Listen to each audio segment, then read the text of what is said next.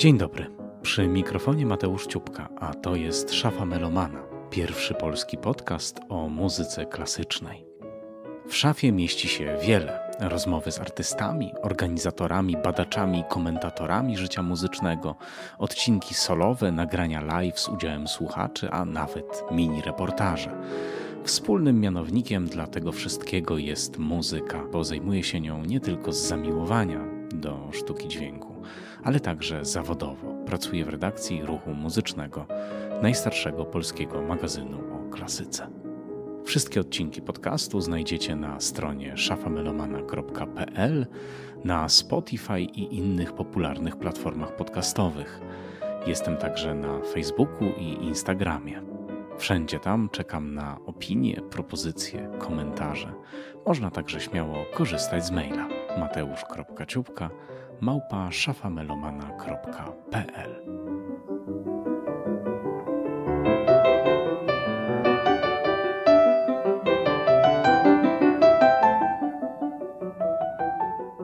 Nowy rok e, zastaje artystów nie zawsze e, przy partyturach, instrumentach, ale także na przykład e, przy szpachelkach, gipsach i innych akcesoriach budowlano-remontowych bo tak się, proszę Państwa, również robi kulturę i właśnie o tym, ale i nie tylko o tym, bo y, szeroki temat dzisiaj poruszymy z zespołem Hashtag Ensemble, e, którego dwie przedstawicielki, Ania Karpowicz, y, laureatka paszportu polityki i Lilianna Krych, nominowana do paszportu polityki, e, są moimi e, gościniami dzisiaj na łączach. Witam Was, dziewczyny.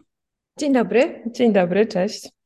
Powiedziałem, że y, kulturę robi się nie tylko za pomocą instrumentów, partytury i tak dalej, to znaczy kulturę muzyczną oczywiście, ale także za pomocą właśnie tychże akcesoriów. Dlaczego tak się dzieje? Co wy w ogóle robicie i y, o co tu chodzi? Niech zacznie Lilian Nakrych. E, tak, jest to taki niesamowity y, moment dla nas, dla zespołu, ale też myślę, że dla w ogóle myślenia o takiej kulturze wolno tworzonej, w sensie swobodnie pozainstytucjonalnie, y, dlatego że jesteśmy y, beneficjentami takiego pomysłu właściwie miasta stołecznego Warszawy, żeby wspierać organizacje kulturalne, które tworzą wydarzenia, które tworzą kulturę i żeby robić to w sposób troszeczkę bardziej stały. To znaczy, mm, wiadomo, że zespoły, może nie wszyscy Państwo wiedzą, ale e, zespoły takie, takie jak nasz e, często bazują tylko i wyłącznie w swoim funkcjonowaniu na jakby dobrej e, woli, mm, a to festiwali, które zapraszają na koncert, a to y, na przykład grantów, o które się sami staramy, czy to w ministerstwie w ramach różnych programów, czy w mieście, E, u różnych grantodawców i wtedy mm, ta, to działanie jest naznaczone bardzo dużą niepewnością, ponieważ nigdy nie wiemy, czy dostaniemy na taki grant. Często te terminy też są takie, że dowiadujemy się w kwietniu, że możemy zrobić w czerwcu koncert i, i faktycznie to działanie jest utrudnione, wymaga tego, żebyśmy w bardzo krótkim czasie po prostu robili rzeczy tak trochę w szalony sposób, E, bardzo dużo zaangażowania takiego fizycznego, mentalnego, organizacyjnego, e, które też nie jest w żaden sposób jakby wynagradzane, w tym sensie, że w tych stowarzyszeniach, fundacjach często też praca ta organizacyjna systemowo nie jest w ogóle wynagradzana. Nie, nie przewiduje się, jeszcze kilka lat temu nie przewidywało się, że na przykład fundacja musi mieć pieniądze na księgową, albo że musi mieć pieniądze na salę na próby. Najchętniej by grantodawca chciał, żebyśmy w zaprzyjaźnionej sali w jakiejś szkole albo u kogoś w domu, w dużym salonie ćwiczyli, a potem a potem występowali na koncertach. No i to się właśnie e, zmieniło, to znaczy świadomość tych, którzy te pieniądze na kulturę w imieniu nas wszystkich podatników gdzieś tam e, nimi dysponują, zaczęła się zmieniać. Miasto stołeczne Warszawa stworzyło taki program już kilka lat temu, to nie jest dopiero w tym roku, który nazywa się Społeczna Instytucja Kultury i polega na tym, żeby troszeczkę wesprzeć te NGOsy, organizacje pozarządowe, samorządowe, żeby miały większą stabilność.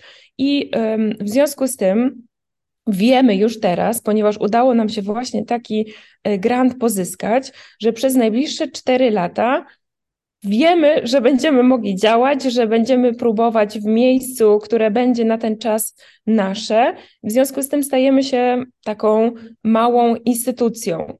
Y, musieliśmy zaprogramować nasze działania na te cztery lata y, w cyklach, tak żeby publiczność i nasi odbiorcy wiedzieli, że przez cały rok coś u nas się dzieje. I właśnie teraz jesteśmy na takim etapie przygotowawczym, może tyle tytułem wstępu.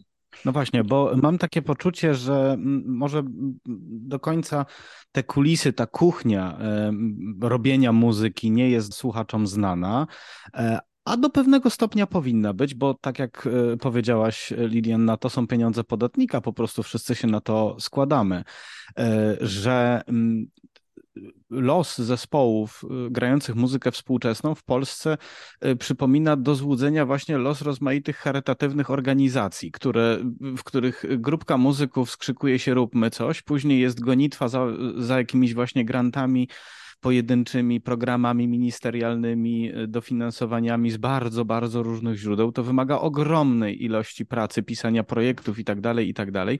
I to e, wszystko pochłania czas, który jest potrzebny de facto na działalność o charakterze artystycznym. E, no i ten program, o którym mówisz, ma tę sytuację ustabilizować. Ale dobrze, ja zacząłem mówić przecież o jakichś akcesoriach budowlano-remontowych. O co chodzi? Teraz Ania. E, no, jeśli chodzi o akcesoria remontowe, to e, bardzo często w hashtag ensemble e, przechodziliśmy przez różne trudne momenty i przez różne wyzwania. I moje doświadczenie jest takie, że, że to jest błogosławieństwo i że naprawdę tak jest w życiu, że to, co trudne, najwięcej nas uczy i daje na koniec najwięcej satysfakcji. E, I tutaj mamy taką sytuację, że mm, musimy własnoręcznie zrobić remont bardzo dużej przestrzeni, to jest ponad 250 metrów kwadratowych. E, I z jednej strony, rozpoczynając ten remont, oczywiście e, byliśmy pełni obaw, jak tu wiolonczelista ma, jak wiolonczelista ma remontować okna, a altowiolistka szorować podłogi, e, ale okazuje się, że jest to cudowna impreza integracyjna. Świetnie się poznajemy poza muzycznie. Co więcej, ujawniają się nowe talenty. E, I mamy część zespołu, która ma taką funkcję bardziej architektoniczno-dekoratorską. Mamy część zespołu, troszkę tak powiedziałabym, stereotypowo męską, e, która jest odpowiedzialna za takie cięższe prace, wiertarki e, i, i różne takie właśnie prace stereotypowo męskie. To u nas się jakoś tak też um, sprawdziło. Mamy pracę na przykład, oczywiście przy każdym remoncie jest mnóstwo sprzątania, więc mamy takich czyściochów, y, których bardzo trudno poznać od tej strony, kiedy się po prostu mieszka w hotelu gdzieś za granicą na festiwalu. E, takich czyściochów, którzy przychodzą i natychmiast ogarniają i zaczynają, e, zaczynają sprzątać, e, więc poznajemy się dzięki temu. E, też budujemy, mm, budujemy relacje z tymi, którzy będą naszymi odbiorcami. E, między innymi poprzez e, zrzutkę czy Patronite, który za chwilę się otworzy, e, bo to też ma być społeczna instytucja kultury.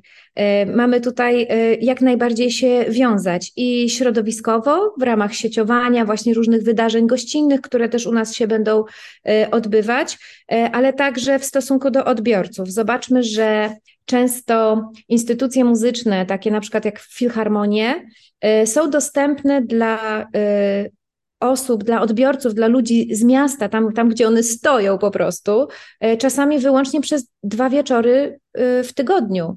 I to nie tylko musisz kupić bilet, odpowiednio się ubrać, e, ale jeszcze jest tyle straży w, w tej filharmonii, która cię wszędzie wpuszcza i wypuszcza, że masz naprawdę wrażenie, że przystąpiłeś progi jakiejś świątyni na bardzo określony czas.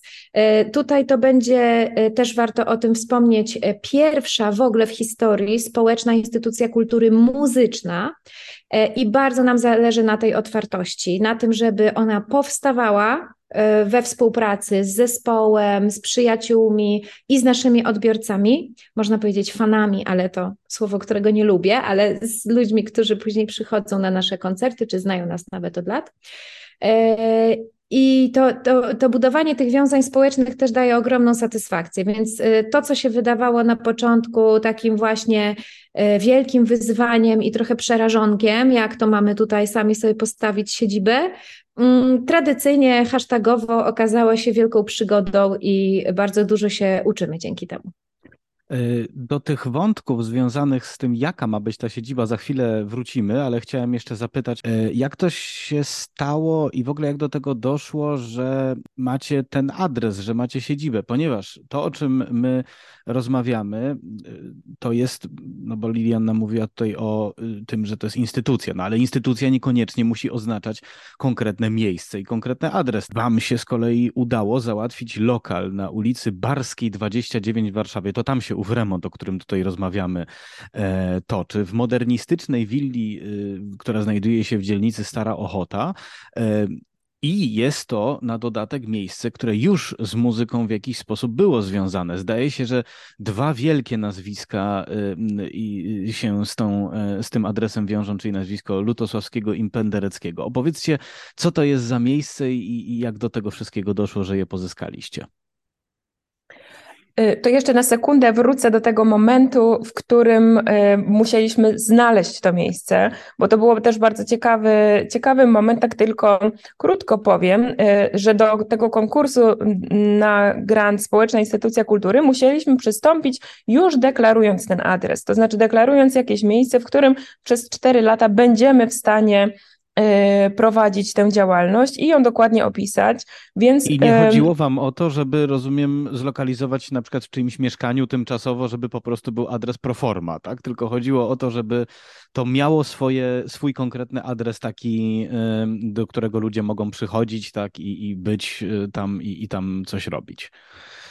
Wręcz jest to wymóg tego konkursu, to znaczy mhm. ten konkretny konkurs, konkurs to jest konkurs na działalność w siedzibie otwartą dla ludzi. To znaczy nie możemy zapraszać, znaczy być może można by było sobie wyobrazić, że społeczna instytucja kultury, jakaś kameralna w czyimś mieszkaniu zaprasza na domowe koncerty, prawda, w stylu salonów XIX-wiecznych, ale tutaj nie o to chodziło.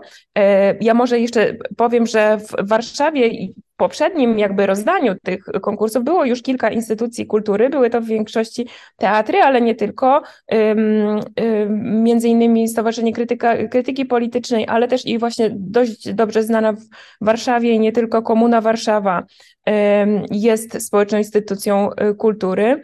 E, czy Teatr 21. Był też Teatr Warszawy, teraz e, kontynuuje już sam samodzielnie bez tego programu, więc to też jest ciekawe, że można zacząć z programem Społeczna Instytucja Kultury i kontynuować samodzielnie. No więc jakby to są takie instytucje, które, które jeżeli do nich nie wiemy tego, to być może idąc na wydarzenie nawet nie wiemy na jakiej zasadzie one funkcjonują i że potrzebowały tego wsparcia. Natomiast te instytucje, które, które już istnieją, już miały wymyślone, gdzie i na jakich zasadach będą to prowadziły, dla nas to była taka nowość.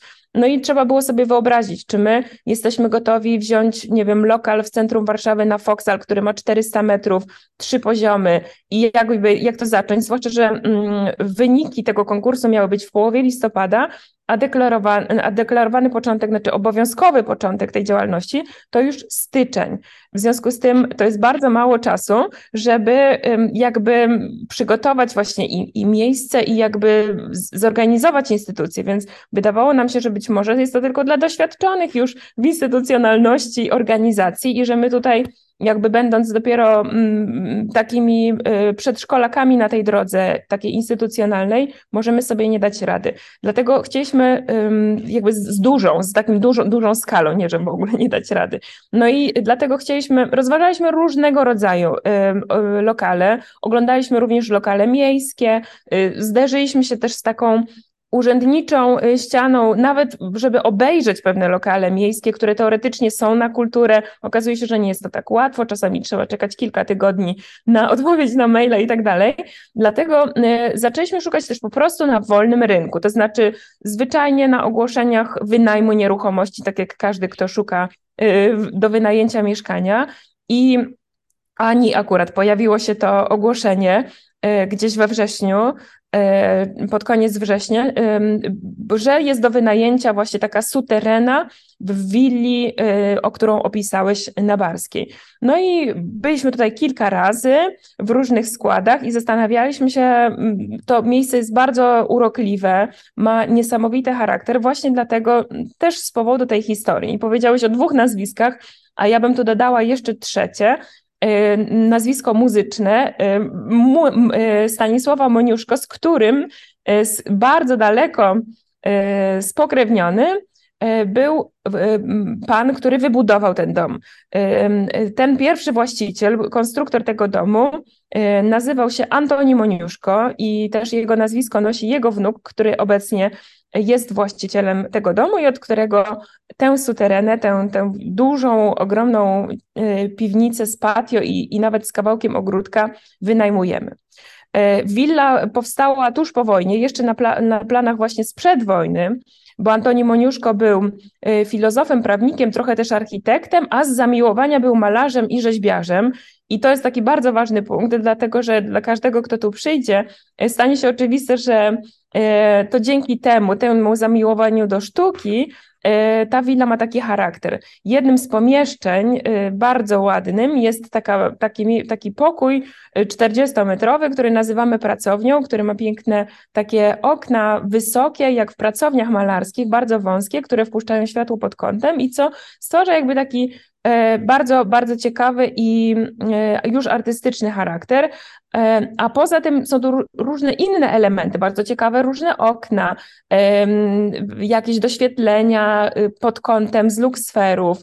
E, cała podłoga jest drewniana, bardzo stara. No, jest to jakiś taki zlepek różnych y, elementów, takich może bardzo trudno do, do, do spotkania w zwykłym budynku warszawskim, a zwłaszcza Y, a zwłaszcza y, w tej sytuacji, w której jakby ta, ta modernistyczna architektura jest tylko tak, na takich wyspach w Warszawie obecna. No ja chciałam powiedzieć, że, y, że ta willa ma taki bardzo zapraszający charakter i od razu widać, że to była pracownia i że tu działo się życie kulturalne. I też jesteśmy y, naprawdę szczęściarzami, że trafiliśmy e, właśnie na, na takiego właściciela, któremu zależy na tym, żeby tu działa się kultura i sztuka. Y, to jest takie wyjątkowe, bo czujemy, że to nie jest y, po prostu nasz partner biznesowy, e, ale też nasz sprzymierzeniec, któremu też zależy na sukcesie tego miejsca. Y, rzeczywiście tak było, że y, głównie nasze zapotrzebowania i nasze, jakby naszą, naszą wizję, jakby takie miejsce mogło wyglądać, spełniały lokale pod gastronomię. Y, no i teraz mogą sobie Państwo wyobrazić, jak większość takich lokali wygląda. Bardzo, bardzo trudno y, byłoby je zaadaptować do takiej działalności y, stricte kulturalnej, a warto też powiedzieć, że e, w Hashtag Labie, to się będzie nazywało Przestrzeń Muzyki Współczesnej Hashtag Lab, e, planujemy nie tylko koncerty, ale także edukację, także spotkania autorskie, także warsztaty. Właściwie będziemy pokrywać każdy e, stopień edukacji artystycznej, coś czego do tej pory w ogóle nie ma w Polsce, jeśli chodzi o muzykę nową. E, więc to miejsce potrzebuje być zapraszające i wielofunkcyjne. I z, te, z tego względu nie pasowałoby nam na przykład um, żadne miejsce w stylu e, sali widowiskowej Domu Kultury, tak? która ma e, siedzenia takie amfiteatralnie ustawione, przykręcone, czy, czy sale kinowe. E, potrzebowaliśmy przestrzeni, która będzie mogła być jednocześnie przestrzenią warsztatową i galerią, jeżeli trzeba, i właśnie miejscem koncertowym. A tutaj właśnie nam się to udało znaleźć, właśnie tak. taką przestrzeń. A jednocześnie y, też to nie jest tylko to, że moglibyśmy, tak jak Ania powiedziała, wejść do sali i, i być, by, mieć po prostu jedną salę jako siedzibę, no bo zespół jest dość duży, ma prawie 20 osób i te działania obejmują różne rzeczy, prawda? My cały czas pozyskujemy dalej granty, my cały czas organizujemy, mamy pracę też i biurową do wykonania, a jednocześnie i próby do wykonania, i koncerty, i warsztaty, więc też potrzebowaliśmy miejsca, które miałoby kilka przestrzeni. No też jest i w, tym, w tej willi na przykład takim niesamowicie miłym zaskoczeniem było to, że największa sala, tak, taka nasza sala na koncerty, duża sala, ma już nawet malutką scenę. Ma takie różne zakamarki, ma takie jakieś schowki, które od razu zapraszają, żeby tam chować sprzęt muzyczny, mikrofony, pulpity, jakby jest jakieś małe zaplecze, jest kuchnia, więc od razu y, myślimy o tym, żeby, żeby tutaj też można było ewentualnie czegoś się napić dobrego e, przy okazji koncertu, może zjeść kawałek ciasta i nad tym też będziemy pracować. E, na sekundę jeszcze cofnijmy się do historii. E, skąd ten Lutosławski i Penderecki pod tym adresem? Mm, żoną y, Antoniego Moniuszko była śpiewaczka, córka Heleny Mniszkówny, autorki y, trendowatej, śpiewaczka operowa. Ja jeszcze nie, że tak powiem, nie zgłębiłam całej historii rodziny Antoniego Moniuszko, ale wiemy, że y, w związku z tym, że była tutaj śpiewaczka, Antoni Moniuszko chciał w ogóle stworzyć takie miejsce, które będzie tętniło życiem, taki właśnie salon artystyczny, w związku z tym y, miał dużo znajomych, obracał się w środowisku artystycznym również.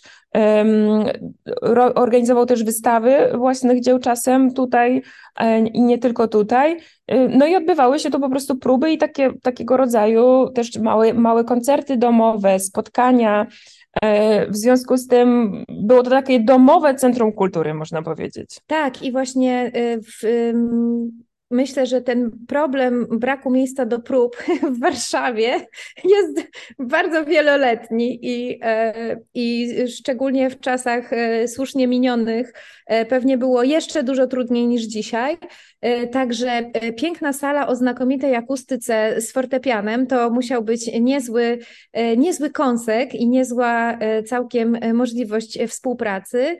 I stąd właśnie tak, tak się to potoczyło, że zarówno właśnie e, Krzysztof Penderecki, e, kiedy bywał w Warszawie, jak i Witold Lutosławski tutaj e, organizowali swoje próby przed jakimiś premierami, więc mamy też taką wielką radość w tym, że trafiliśmy na miejsce, które Mm, w pewnym sensie muzycznie rewitalizujemy. To nie jest, nie wiem, parter biurowca, w którym tworzymy miejsce od zera, bez żadnej relacji do historii, a to szczególnie są tematy mi bliskie, jeśli chodzi o Warszawę. Mm, o tożsamość miasta i o to, żeby, e, żeby budować nowe inicjatywy w Warszawie, e, patrząc na tą historię i czerpiąc z niej. Więc tutaj to się tak e, idealnie stuprocentowo składa, że przywracamy życie muzyczne tam, gdzie ono już kiedyś było, jednocześnie oczywiście dając nową treść, nowe, nowe tworząc nowe wydarzenia, ale jednak z takim nie tylko szacunkiem do historii, bo szacunek do historii to zawsze tak brzmi trochę drętwo i martwo, ale y, że zapuszczamy korzenie w tym życiu, które tutaj, które tutaj działo się wcześniej. Mm, I myślę, że to jest też prawdopodobnie zgodne z ideą y, tego twórcy tego miejsca i, budowniczego konstruktora Antoniego Muniuszko, dlatego że on też współpracował z, i, i spotykał się z ludźmi, którzy wtedy właśnie tworzyli, czyli jakby poniekąd no, był sam artystą i, i promował i wspierał sztukę współczesną, czyli jakby zupełnie jest to ta idea i też ten moment jakby przerwy działalności tej, tej willi jakimś był takim smutnym momentem, kiedy było słychać, że tutaj e, po prostu to miejsce albo przestaje żyć, albo tam służy e, chwilowo do jakichś celów, nie wiem, biurowych, albo, albo zupełnie pozaartystycznych. Dlatego też no, bardzo, bardzo chyba doceniamy tę inicjatywę naszego mm, właściciela domu, że wręcz w ogłoszeniu napisał, że najbardziej preferowana działalność to jest działalność tutaj kulturalna. No właśnie, e, Ania wspomniała o y, tych y, rzeczach, które są ci bliskie w relacji z historią. No to ja już y, cię trochę wyręczę, żeby nikt nie powiedział, że się chwalisz nadmiernie, że to jest przecież festiwal Warsze Muzyk, czyli to są koncerty w, w warszawskich, na podwórkach warszawskich kamienic, ostańców. To jest także działalność Stowarzyszenia Weinberga, prawda, które wiąże się, czy Instytutu Mieczysława Weinberga, które, która również zdaje się zaowocowała koncertem, który co prawda nie mógł się odbyć w e, kamienicy, w której Weinberg się urodził z uwagi na stan techniczny, ale odbyła się na podwórku niedaleko, jeśli dobrze e, pamiętam. Więc można powiedzieć, że nie tylko hashtag ensemble, ale także jego poszczególni członkowie starają się w jakiejś tej bliskiej relacji z historią pozostawiać i sprawiać, że E, że, że ta historia właśnie staje się żywa, no i w jakiś sposób przynosi, przynosi e, korzyści także mieszkańcom. Natomiast ja myślę sobie trochę o tym, że e, teraz jak opowiadacie o, o, o, historii tego miejsca, tej, tej, tej, tego lokalu waszego przy Barskiej 29, że to nie jest tak naprawdę takie zupełnie nowe i rewolucyjne, aby po prostu tworzyć taką przestrzeń kultury muzycznej, która nie odbywa się w tym, o czym już Aniu wspomniałaś, czyli w takim reżimie XIX-wiecznej świątyni sztuki, prawda? E, która ma, no utrudniony jest wstęp do niej, e, do której trzeba się bardzo elegancko ubrać i bardzo się wysztywnić na tym krześle. I broń Boże nie zaszczeleścić papierkiem, a już na pewno nie zadzwonić telefonem, bo to już będzie kompletna katastrofa, prawda? I zaraz ktoś nas zgromi wzrokiem i tak dalej. Mm, e, to nie jest takie zupełnie nowe, ale to jest bardzo potrzebne, prawda? Żeby zupełnie y, jakby skrócić ten dystans tej muzyki do y, odbiorcy. Szczególnie mam wrażenie w Polsce, gdzie muzyka współczesna jest całkowicie obrośnięta jakimś Y, jakimś, y, jakimś takim ogromnej bariery niedostępności, prawda? Y, czegoś z bardzo wysokiego C i wymagającego niesamowitej wiedzy, edukacji i, i, i nie wiadomo czego, żeby, żeby posłuchać, żeby zrozumieć. Tak, więc my tworzymy dom dla muzyki współczesnej i to jest wspaniałe, że to jest właśnie dom, że to nie jest jakaś hala industrialna albo kosmiczny spodek, e, tudzież rakieta Elona Muska, tylko właśnie jest to po prostu dom e, z ogrodem, z kawiarenką, e, z czytelnią, z dobrymi winylami. Takie miejsce, w którym czujesz się u siebie, czujesz się zaproszony i w którym nikt ci nie, nie narzuca właśnie żadnej formy tutaj obecności to jest też chyba na tyle nowa sytuacja, że ciągle robi na mnie wrażenie. E, zauważmy, że muzyka nowa również dlatego w Polsce jest tak, tak bardzo z tyłu, że po pierwsze jest nieobecna w edukacji artystycznej. Właściwie student wychodzi z Akademii Muzycznej, jak się, jak się sam nie postara, e, właściwie z Szostakowiczem jako kompozytorem najbardziej współczesnym. Czyli pierwsza rzecz to jest dziura edukacyjna i tutaj będziemy ją powolutku, powolutku zasypywać właśnie e, za pomocą pasma, które się będzie nazywało aż tak Akademia. E, druga sprawa to jest właśnie brak obecności muzyki współczesnej e, w dużych instytucjach muzycznych, czyli muzyka współczesna ciągle jako łyżka dziegciu w beczce miodu, jeśli chodzi o programy czy filharmoniczne, czy festiwalowe. No i trzecia rzecz to jest ta hermetyzacja e, wokół festiwali. Mamy kilka znakomitych festiwali muzyki nowej, e, które jednak mm, no, pozostają gdzieś tam e, na troszkę innym torze. To jest troszkę dla znawców, trochę dla chętnych, trochę dla zainteresowanych.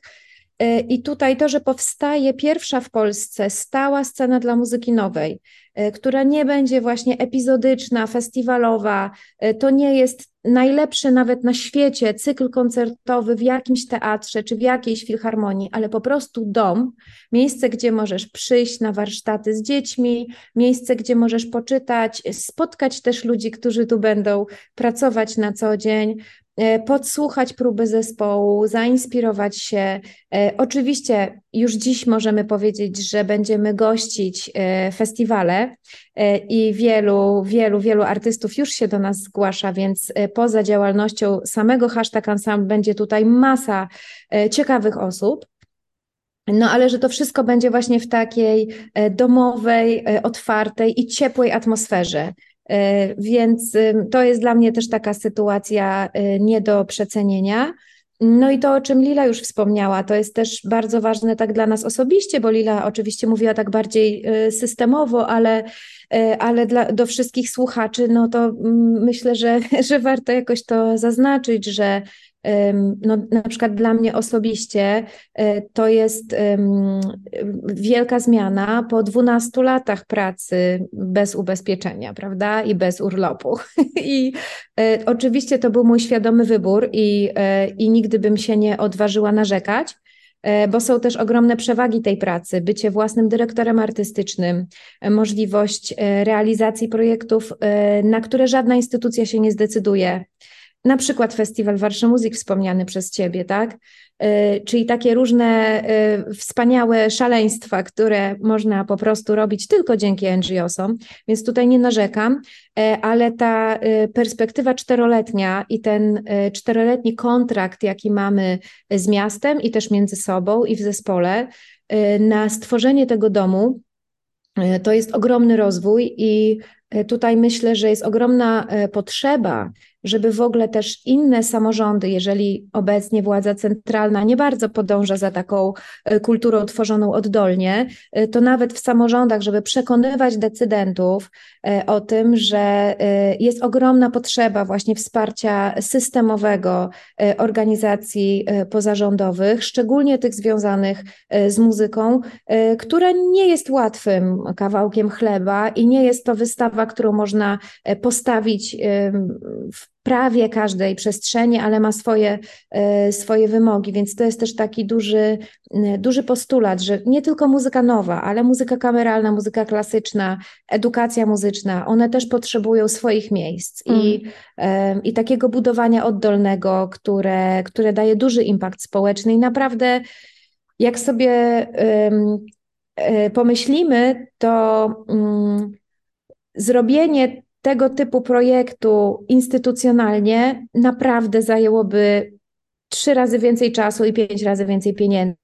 Naprawdę dla nas, jako dla podatników, to jest bardzo dobra i bardzo efektywna i oszczędna opcja zatrudniać NGOsy do tej pracy. Mm, tak, ja właśnie słyszałam takie opinie już, że to jest dla miasta taniej, to mówimy teraz do prezydentów innych miast, e, otwiera, taniej niż otworzyć nowy dom kultury, jest wziąć stowarzyszenie, które już ma swoje struktury, ma, po, ma pomysły, ma wypracowane idee, ma ludzi, którzy są bardzo zaangażowani E, i dać im po prostu wsparcie, żeby mogli z tego żyć i bardziej się w to jeszcze zaangażować, poświęcić temu więcej czasu, a nie na przykład e, po godzinach zajmować się inną pracą. Ale jeszcze, żeby oddać, trochę tak chciałam, nie na kontrze, ale tak uzupełniająco do tego, co Ania powiedzieć, że żeby oddać sprawiedliwość temu, co dzieje się teraz w Polsce, że to nie jest tak, że hashtag ensemble jest, prawda, to wyspą i, i nic poza tym, nigdzie muzyki współczesnej nie ma, są te festiwale, ale też i właśnie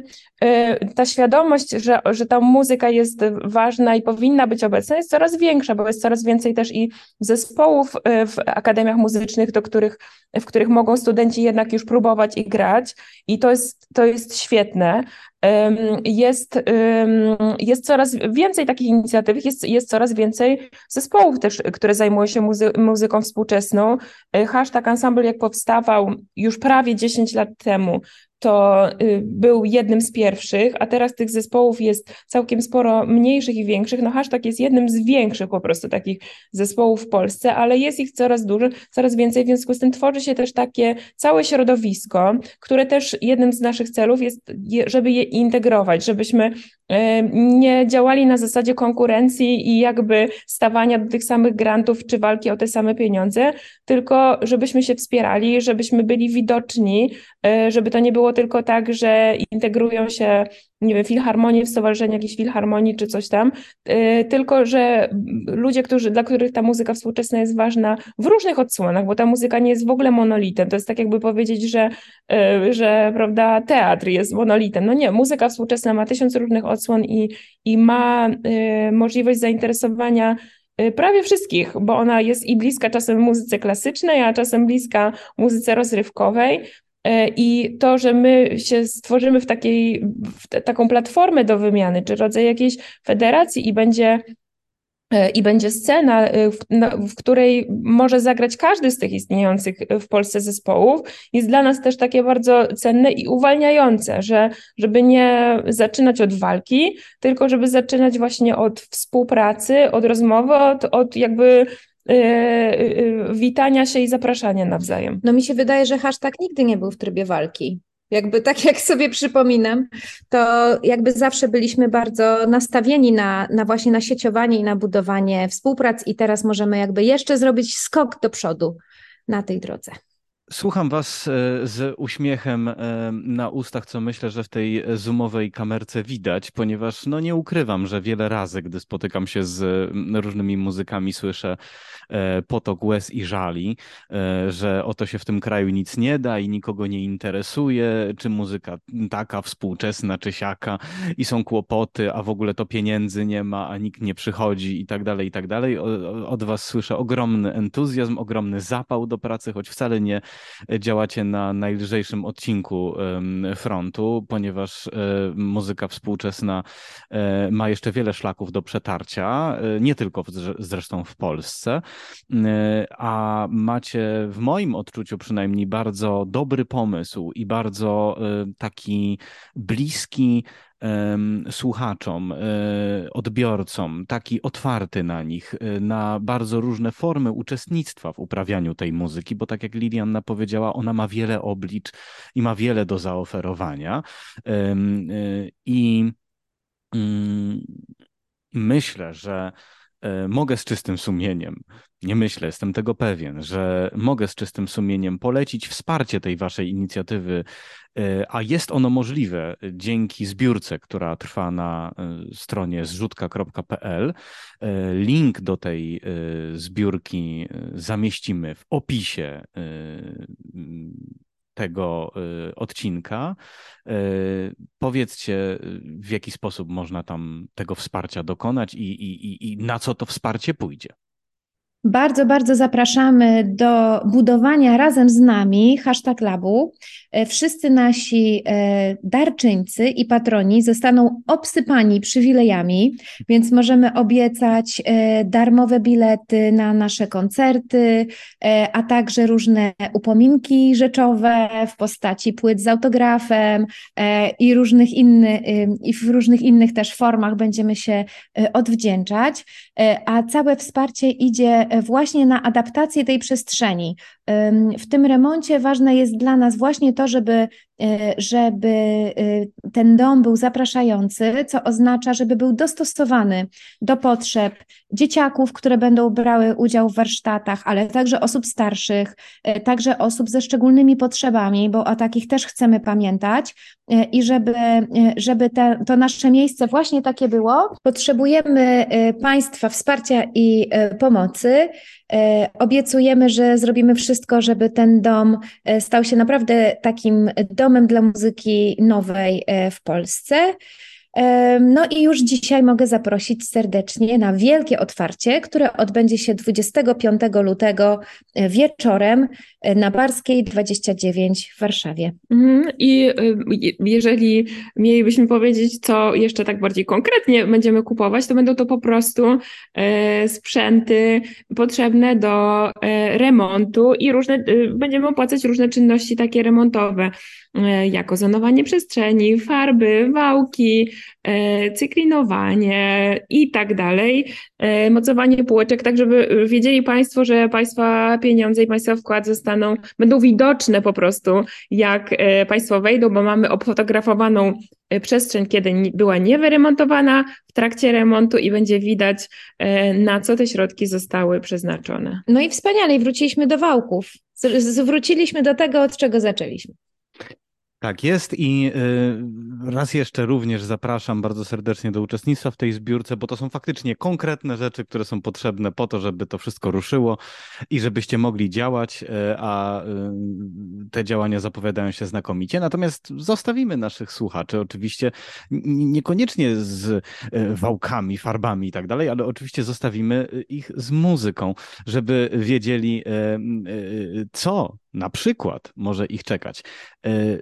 Co y, puścimy, z czym zostawimy naszych słuchaczy? Y, powiedzcie. No, będzie to fragment e, z naszej e, najnowszej płyty, która nazywa się Ave Virus. E, to są partytury newsowe związane z różnymi zwierzakami, które mm, korzystając z lockdownu wychodziły i troszeczkę nawet można powiedzieć anektowały sobie przestrzeń miast na całym świecie. Czy raczej odzyskiwały. Czy odzyskiwały, tak, to prawda. E, troszkę absurdalny, troszkę humorystyczny, e, troszkę nierealny klimat e, tych improwizacji myślę, że doskonale skleja się z naszym obecnym samopoczuciem, kiedy właśnie to wiolonczelista maluje, altowiolistka szoruje podłogę, a my z Lilą zaraz zabieramy się do malowania kuchni. Także troszkę absurdalnie i troszkę śmiesznie na koniec zostawiamy Państwa z naszymi dźwiękami. A moimi gościniami była Ania Karpowicz i Lidianna Krych. Bardzo serdecznie Wam dziękuję. No i do usłyszenia i do zobaczenia na Barskiej 29 w Warszawie. Bardzo dziękujemy, do zobaczenia. Dzięki.